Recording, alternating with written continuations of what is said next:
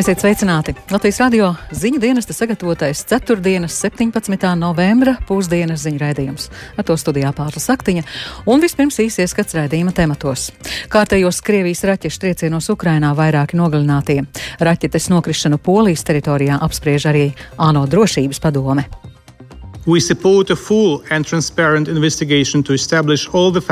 Mēs atbalstām pilnīgu un atklātu izmeklēšanu, lai noskaidrotu visus šī traģiskā incidenta faktus un esam gatavi sadarboties ar Polijas pusi. Karš pilnībā izmainīs darbu Ukrainas slimnīcās. Mūsu vajadzības ļoti izmainījās, jo pietrūks tādu speciālistu kā protēzistu, kas var protezēt ķermeņa augšējās ekstremitātes. Un šodien atvadāmies no aktrises Veltes Skurstenes. Gribu pateikt, no apstājieties drusku, ieklausieties vairāk viens otrā un samīļojiet viens otru. No nopājājiet to plecu. Varbūt, ka viņam drusku sāp.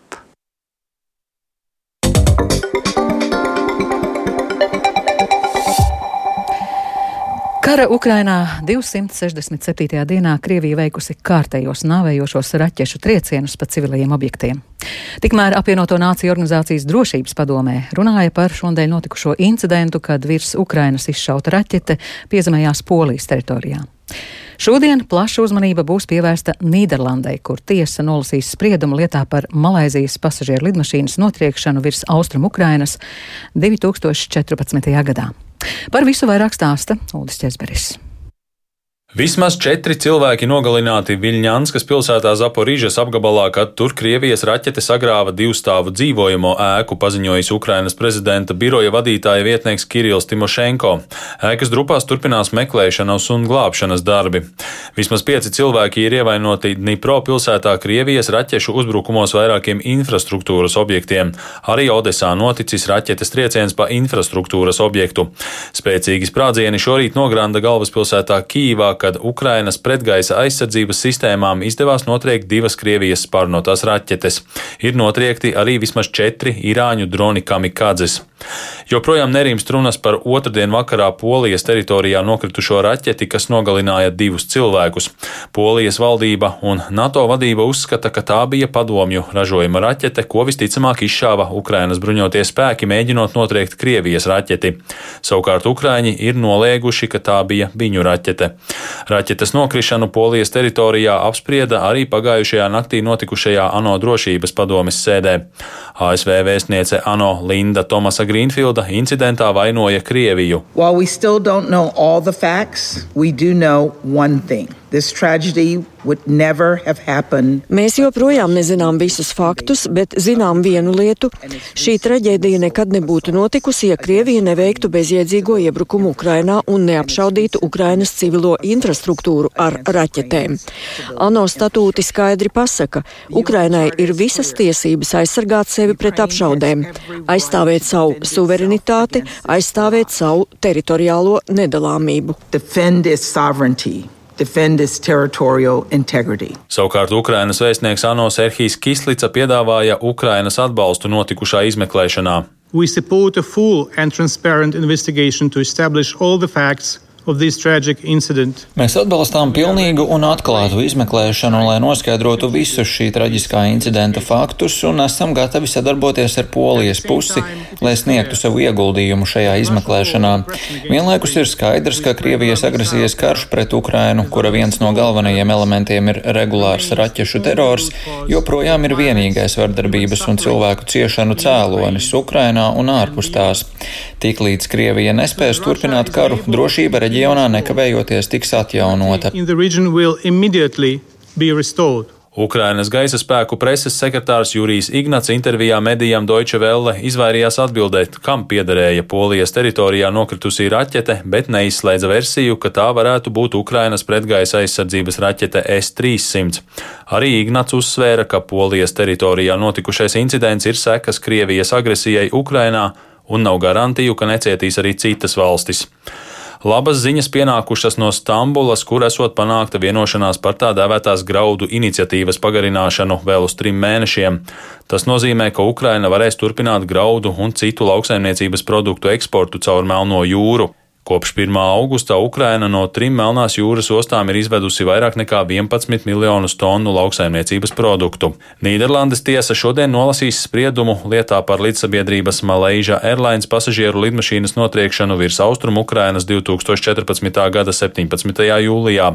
Toreiz dzīvību zaudēja visi 298 cilvēki, kuri atradās lidmašīnā lidmašīnas notriekšanā vaino Krievijas atbalstītos kaujiniekus, kuri izmantoja no Krievijas piegādātu zenītraķešu sistēmu BUK. Uz apsūdzēto sola būtu jāsēž trim bijušajiem Krievijas federālās drošības dienesta virsniekiem un Ukrainas pilsonim, kurus prokurori uzskata par atbildīgajiem lidmašīnas notriekšanā. Tomēr viņus tiesā aizmuguriski, jo neviens no aizdomās turamajiem nav notverts, bet Krievija ir atteikusies viņus izdot. Prokurori ir pieprasījuši piespriest apsūdzētajiem mūža ieslodzījumu. Ulris Česberis, Latvijas radio. Latvijā šomēnes pieredzes apmaiņā bija ieradušies 15 ārsti no Ukrainas. Paši mediķi atzīst, ka darbs slimnīcās kopš kara sākuma ir prātam neaptverams lielās cietušo plūsmas dēļ. Daudz ievainoto ir tieši civiliedzīvotāji. Lai arī nerimstoši ir citu valstu atbalsts medicīnas jomām, tomēr kara plosītajai valstī īpaši pietrūkst ārstu protezētāju. Plašāk par Ukrainas slimnīcu ikdienu un nepieciešamo atbalstu Sintīs Ambotas ierakstā. Я врач физической реабилитационной медицины в первом территориальном медицинском объединении Львова. Lena Dolina ir fiziskās rehabilitācijas medicīnas ārste Ļvivas pirmajā teritoriālajā medicīniskajā apvienībā. Ikdienu strādā gan ar ievainotajiem civiliedzīvotājiem, gan karavīriem. Piecu slimnīcu apvienība, kurā viņa strādā, šobrīd attīsta ārstniecības virzienus, kas pat laban Ukrainai vairāk pietrūkst. Stāsta vairāk par slimnīcu ikdienu kara apstākļos. Struktūra, и травмы, и патологии поменялась, и Slimnīcas struktūra, pacientu traumas un patoloģijas ir mainījušās. Ārsti ir tā otrā fronte, kas strādā aktīvi un ne tikai ārsti, bet visi veselības aprūpes speciālisti, jo mums šobrīd ir ļoti daudz arī cilvēku dažādos vecumos. Tie ir gan bērni, gan pensionāri, gan cilvēki spēka gados.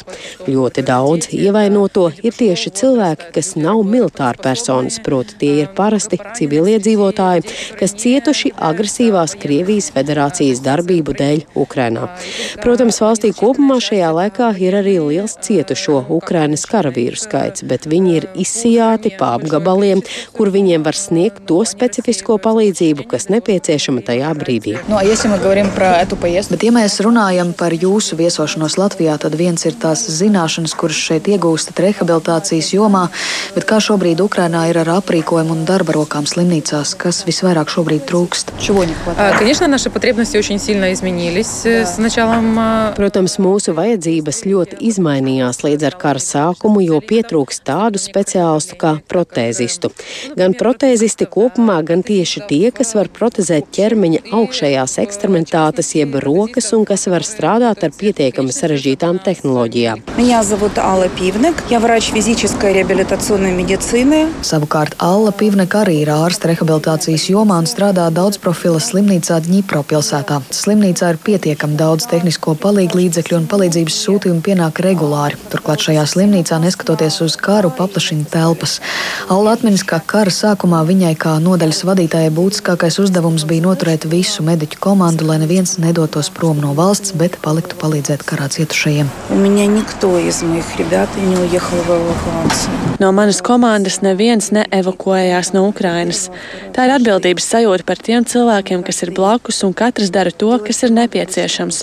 Man liekas, ka nācija ir ļoti saliedēta, un tas, ko mēs darām, darām savā valstī, ir vairāk nekā mēs varam, bet tas nozīmē, ka mums ir potenciāls un resurss. Man, piemēram, šī ir pirmā reize, kad esmu prom no darba kopš kara sākuma, un kad atbraucām uz Latviju, es redzu, cik fantastisks atbalsts. Ārlietu ministrijas finansētā projektā Nacionālajā rehabilitācijas centrā Vaivari šomēnes bija ieradušies kopumā 15 ārsti no Ukrainas, lai gūtu pieredzi rehabilitācijas programmu ieviešanā pacientiem, kur cietuši no Krievijas militārās agresijas pēc ekstremitāšu amputācijām, kā arī dalītos pieredzē tehnisko tehnisko pamatlīdzekļu aprites sistēmas izveidē. Sinti Ambote, Latvijas radio. Koalīcijas partneri, kuri jau pusotru mēnesi runā par valdības veidošanu, apsprieduši pašreizējo valsts finanšu stāvokli un nākamā gada budžeta aprises, jeb fiskālo telpu. Vakar un šodien ministrijas iepazīstina ar savām vajadzībām, jeb prioritātēm, kas mērāms vairākos miljonos eiro, bet nākamā gada budžetā tik daudz naudas nebūs. Vai un no kādām prioritātēm potenciāli būtu nākamā gada budžetā jāatsakās, skaidro Linda Zalāne. Vakar un šodien ministriju valsts sekretāri prezentē ministriju plānus. Politiskās debates par budžetu vēl nav sākušās, jo nav izveidota koalīcija, bet sākotnējās prognozes liecina, ka nākamā gada fiskālā telpa būs 96 miljoni eiro un nākamā gada budžeta deficīts plānots 3,5% apmērā. Šī gada budžeta deficīts sasniegs 7%. Iepazīstoties ar esošo valsts finanšu stāvokli un nākamā gada budžeta apresēm, Ministrija prezentētajām prioritātēm apvienotā saraksta pārstāvim Mārim Kučinskim rodas jautājums, vai nākamā gada budžetā pietiks visām prioritātēm. Veselības aprūpē jau no nākamā gada līkne sāk iet strauji uz leju. Tur nav iekļauts nekāds finansējuma palielinājums. Obligātais militārais dienests arī nav iekļauts. Likumdošana ir, bet finansējuma nav iekļauts. Ir vienīgi pedagoģa algu pieaugums, bet katrā ziņā bez kaut kādiem liekiem tēriņiem tās vajadzības tomēr stipri pārsniedz iespējas. Kopā valdībā mums ir vajadzīgas tādas ģenerālas sarunas par to, kā mēs to darīsim, kur mēs samazināsim un uh, cik tālu vēl var atļauties vispār budžeta deficītu palielināt. Arvils Ašerādens no jaunās vienotības pauž, ka runāt par nākamā gada budžeta aprasēm ir pāragri, jo šobrīd situācija ekonomikā ir dinamiska, ir jāmaina ekonomikas izaugsmes prognozes, un tas tiešā veidā ietekmēs arī nākamā gada budžeta apjomu. Jāredz viss laukums kopā, tad jāredz kādu politiku vēlās veidot partijas, kas atbild attiecīgām nozarēm un attiecīgiem ministri, un tad jāliek kopā visu valdības deklarāciju. Nu, tas ir diezgan komplicēts politisks audums. Pedagoģa darba algas ir iekļauts šobrīd prognozēs attiecībā uz valsts aizsardzības dienestu, cik nebija iesniegts šādas prognozes, tas vēl nav iekļauts, bet nevienam nav šaubu, ka tāds tiks veidots un arī memorandā ir parakstīts. No. Aizsardzības ministrs Artis Pabriks partijā apvienības attīstībai par līderis teica, ka viņam nav šaubu, ka nākamā gada budžetā nauda valsts obligācijām obligātajam aizsardzības dienestam būs. Nākošā gada aizsardzības budžets tiek kalkulēts jau pēc vēl vecajiem rādītājiem, kas ir aptuveni 2,35%, kas pietiktu mums, lai uzsāktu valsts aizsardzības dienestu, bet noteikti nepietiek ņemot vērā tendences gan Igaunijā, gan Lietuvā, gan arī šo apdraudējumu no Krievijas. Budžeta veidošana parādīs, kas tad ir arī jaunās valdības prioritāte. Pabriks uzsver, ka aizsardzībai no budžeta nākotnē jāparedz 3%, lai Latvija šajā jomā neatpaliktu no citām reģionu valstīm. Arī ekonomikas ministre Ilze Hindriksone no Nacionālās apvienības, kuras partija piedalās koalīcijas veidošanas sarunās, uzsver, ka par bažām, ka nākamā gada budžetā nepietiks kādām prioritātēm, ir pāragri runāt un svarīgi ir valdības deklarācijas rakstīšanas procesā vienoties par svarīgākajiem valsts attīstības mērķiem. Prioritārajos pasākumos nozaru ministriju vēlme darīt vienmēr ir lielāka par iespējām. Tas, man liekas, būs tas sarežģītākais, un tas process arī būs tas izšķirošais, cik ātri mēs nonāksim pie rezultātu, jo valdības deklarācijas procesā nekad nav iespējams detalizēt vienoties jau par kaut kādām budžeta sadaļām. Sarunas tieši par fiskālām iespējām un par, varētu teikt, nākamā budžeta plāna veidošanu bija ļoti konstruktīva. Manuprāt, arī ļoti atklāta, izdiskutējot gan tos rāmjus, gan tās iespējas, gan arī tās iespējamās atkāpes no stingriem ierobežojumiem, kas noteikti ir drošība kā prioritāte. Jāpiebilst, ka potenciālie koalīcijas partneri jau pusotru mēnesi risina valdības veidošanas sarunas, un līdz ar to visticamāk valsts nākamo gadu sāks ar tehnisko budžetu. Linda Zalāne, Latvijas radio. Iepakojuma depozīta sistēmu Latvijā izmanto 93% iedzīvotāju. Tas noskaidrot sistēmas nodrošinātāja depozīta iepakojuma operators pētījumā. Cilvēki iepakojumu nodod galvenokārt, lai atgūtu desmit centus, taču ir daudzi, kas to dara rūpēs par dabu un vēlmi redzēt mazāk atkritumu sev apkārt. Turpina Kristaps Feldmanis. 93% Latvijas iedzīvotāju izmanto iepakojumu depozīta sistēmu, savukārt 71% to dara vismaz reizi mēnesī. Tas noskaidrojas šīs sistēmas uzturētājs Sijā depozīta iepakojumu operators veiktā pētījumā. Uzņēmuma loģistikas un infrastruktūras direktors Gatis Galējs šorīt Latvijas radio raidījumā Labrīt atklāja, salīdzinot ar maijā veiktā pētījuma datiem, ir redzams, ka iedzīvotāju vidū šis atkrituma pārstrādes paradums kļūst aizvien spēcīgāks un arī pati sistēma attīstās, proti taromātu tīklu paredzēts paplašināt punktus mēs palielinām katru nedēļu. Faktiski jauni tarumā tiek uzstādīti un jauni punkti tiek kā Patreiz pat sistēmā ir vairāk kā 1400 depozītu pieņemšanas vietas, ja, nu, un 1060 aromāti ir uzstādīti. Nu, līdz gada beigām mēs plānojam, ka varētu vēl aptuveni 40 aromātus uzstādīt. Un nākamajā gadā tas būs vairāk vai mazāk tāds dabīgs process, nu, kad kāds veikals aizvērsies, kaut kur mēs demontēsim, kāds veikals atvērsies, kaut kur mēs uzstādīsim jaunu, bet uh, tādas būtiskas lielas izmaiņas aromātu skaitā nākamgad mēs neplānojam vairāk. Tas tīkls principā ir jau nostabilizēts. Uzņēmuma depozīta iepakojuma operators pārstāvis Gatis Galais arī skaidroja, ka sistēma saskaras ar atsevišķām problēmām. Piemēram, iedzīvotāji mēdz sūdzēties, ka atsevišķās manuālajās taras pieņemšanas vietās taru nav izdevies nodot. Kā mums paši tirgotāji teikuši, nu tad viena ir šī problēma, ka viņiem nav ko glabāt. Tagad ir apkurss sezona sākusies, un ko mums ir pieminējuši, nu, ka viņiem ir šī glabāšanas vieta šobrīd ir aizņemta ar malku elementāri. Ja? Nu, šeit mēs atsevišķi individuāli veikliem runājam un risinām šādus jautājumus, nu, lai organizētu biežāku izvešanu, lai viņiem nav jāuzglabā lielāks apjoms. Rīgas ielās uzrunātie iedzīvotāji ar depozītu sistēmu ir apmierināti un izsaka vien nelielas atsevišķas sūdzības. Tajā apkārtnē, kur es dzīvoju, ir viss kārtībā. Sākumā tur bija grūti aprast, kāda ir to pudeļu sistēmas. Nu, tur jālaiž iekšā vai kas, bet nu, tur, tur ir laikam mazliet tas, ka tur ir kādreiz tās pudeles ir saspiestas. Tad viņš tur neņem pretī, viņš sarunājās ar tevi. Tā kā, bet tā, tā ziņā viss ir ok. Piebrauc ar mašīnu, ja kāds varbūt tās ir rīkās, kas, nu, kas atbrauc kaut kur nu, ar maisu, tad, nu, tad paiet laiks. Bet tā principā viss ir ātri, pozitīvi. pozitīvi jā. Pagaidām manas prasības apmierina. Pieredze visai skopa.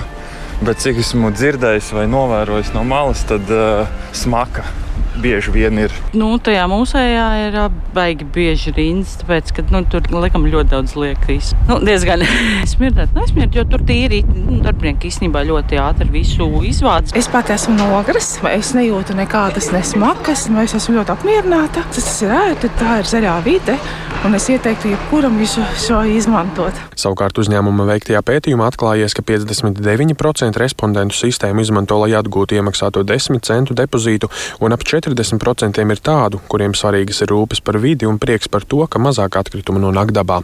Kristaps Feldmanis, Latvijas radio.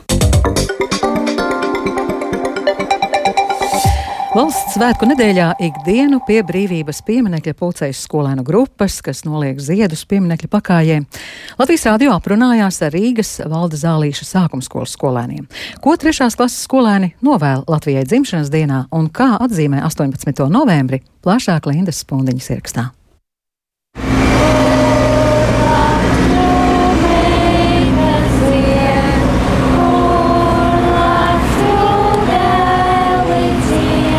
Valsts himnu pie brīvības pieminekļa dzied Rīgas Valti Zālīša sākuma skolas 3. A klases skolēni. Visas nedēļas garumā varēja manīt, kā skolēnu grupas pie pieminekļa noliek ziedus. To ik gadu dara arī uzrunātā 3. A klase, saka skolotāja Marta Radziņa. Piecas vēlējumus lūdzu Latvijai. Kurš gatavs? Es nē. Estere. Es novēlu, lai mūsu zeme vienmēr būtu brīva, lai mūsu zeme vienmēr būtu tikpat zaļa, cik šobrīd, lai mūsu zeme būtu vēl zaļāka nekā šobrīd, lai mums vairs neviens neuzbruktu, lai Latvija būtu vienmēr tik laimīga, cik viņa ir tagad. Un ko jūs šeit darat parasti? Mēs, mēs pieliekam ziedus, ziedus un okļus. Ko jums nozīmē atnākt pie brīvības pieminekļa? Atcerēties visus karavīrus. Atcerēties visus karavīrus. Atcerēties visus ze, mūsu zemes aizsardzības. Atcerēties visus, kur Latviju brīvu. Kā jūs sagaidīsiet valsts svētkus? Es ar ģimeni braukšu rīt uz brāļa kapiem, nolikt arī ziedus tur. Tā ir ģimenes tradīcija. Mm. Mēs katru gadu, jo tētis tur ar, ar saviem draugiem iet gājienā. Es noteikti braukšu noliktam pie manas mammas, opija un omas puķas, jo viņiem nodzīvoja diezgan ilgi. Es noteikti svinēšu ar saviem vecākiem un ar visu ģimeni. Mēs noteikti ar mūsu ģimeni brauksim te uz brīvības pieminiektu, noliksim ziedus un kā katru gadu brauksim uz Itālijas pāriest. Svinīgs vakariņas jums ģimenes ir, ja? Mums ir tradīcija tā, ka mums ir, mēs dzīvojam dzīvokļu mājās pretējās, un mums visi iet uz pagalmu un liekas vecs strāplī. Un tad uh, arī dzied himnu, un uh, tad mēs ejam augšā un ēdam svētku vakariņas. Mēs uh, paņemsim sarkanbaltās sveces un iedegsim. Ko jums nozīmē Latvija un tās dzimšanas diena? Šī arī ir mana dzimtene, un uh, es nekur nebūtu tik laimīga kā šeit, Latvijā. Latvija ir mana dzimtene. Es Latvijā esmu piedzimis, tā ir mana mīļākā valsts, un nekur nav labākā Latvijā.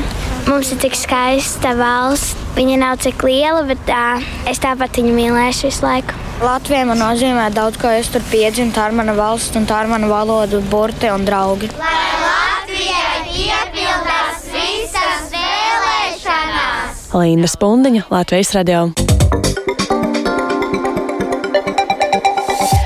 Dzirkstoša savā humorā ar asu mēli, bet arī dziļi cilvēciska, silta un sirsnīga uz skatuves un dzīvē bija aktrise Velta Skurstene. Visciešāk viņas dzīve bija saistīta ar jaunatnes teātri, kur viņa nospēlēja vairāk nekā 50 lomu, bet viņa daudz darbojās arī radio, televīzijā un kino. Šodien atvadāmies no lieliskās un leģendārās aktrises.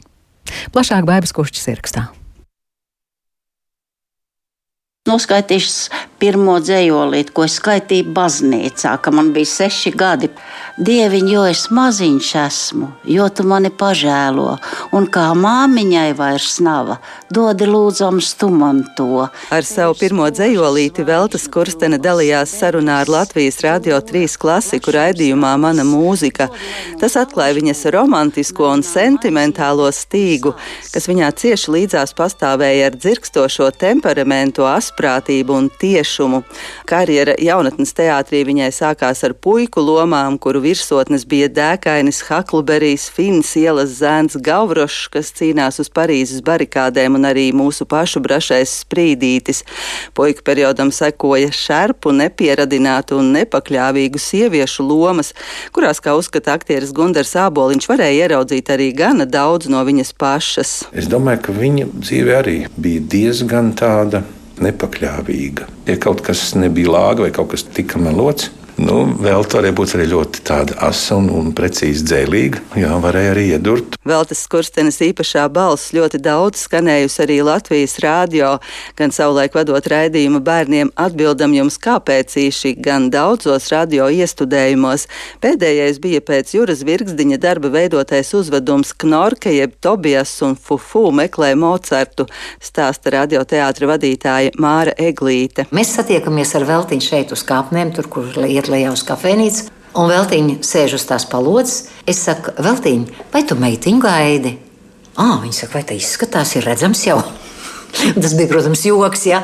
un tas mums vienmēr aizgāja kā anekdote. Vai tu meitiņu gaidi? Jā, jā, jā, jā bet tā viņa zaņuka arī gaidīja. Jaunatnes teātrī burvīga bija Veltes Skurstenes un Tamāras Soboļevas saspēle izrādē Lācītis Pūks un viņa draugi, kur Tamāra Soboļeva bija sivēns, bet Veltes Skurstene ēzelītis ijā, ijā.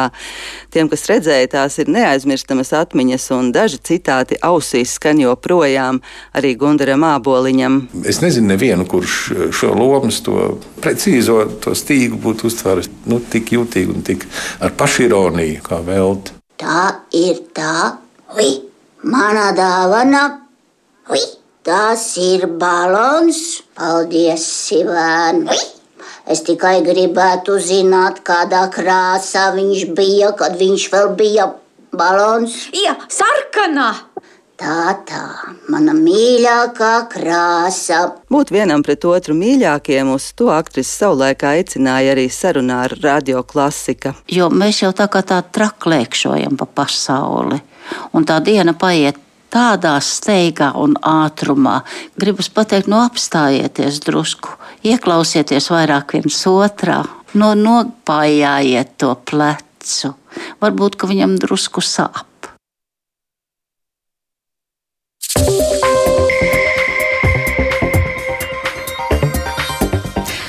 Un ar to arī skan pusdienas raidījums. Producents Viktors Pupiks, ierakstus montēja Renāša Steimanis, par labskaņu rūpējās Katrīna Bramberga, ar jums runāja Pārla Saktiņa.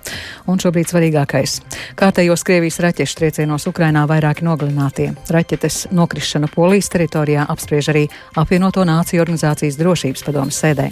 Nīderlandes tiesa nolasīs spriedumu lietā par Malaizijas pasažieru lidmašīnas notriekšanu virs Austrum Ukrainas 2014. gadā.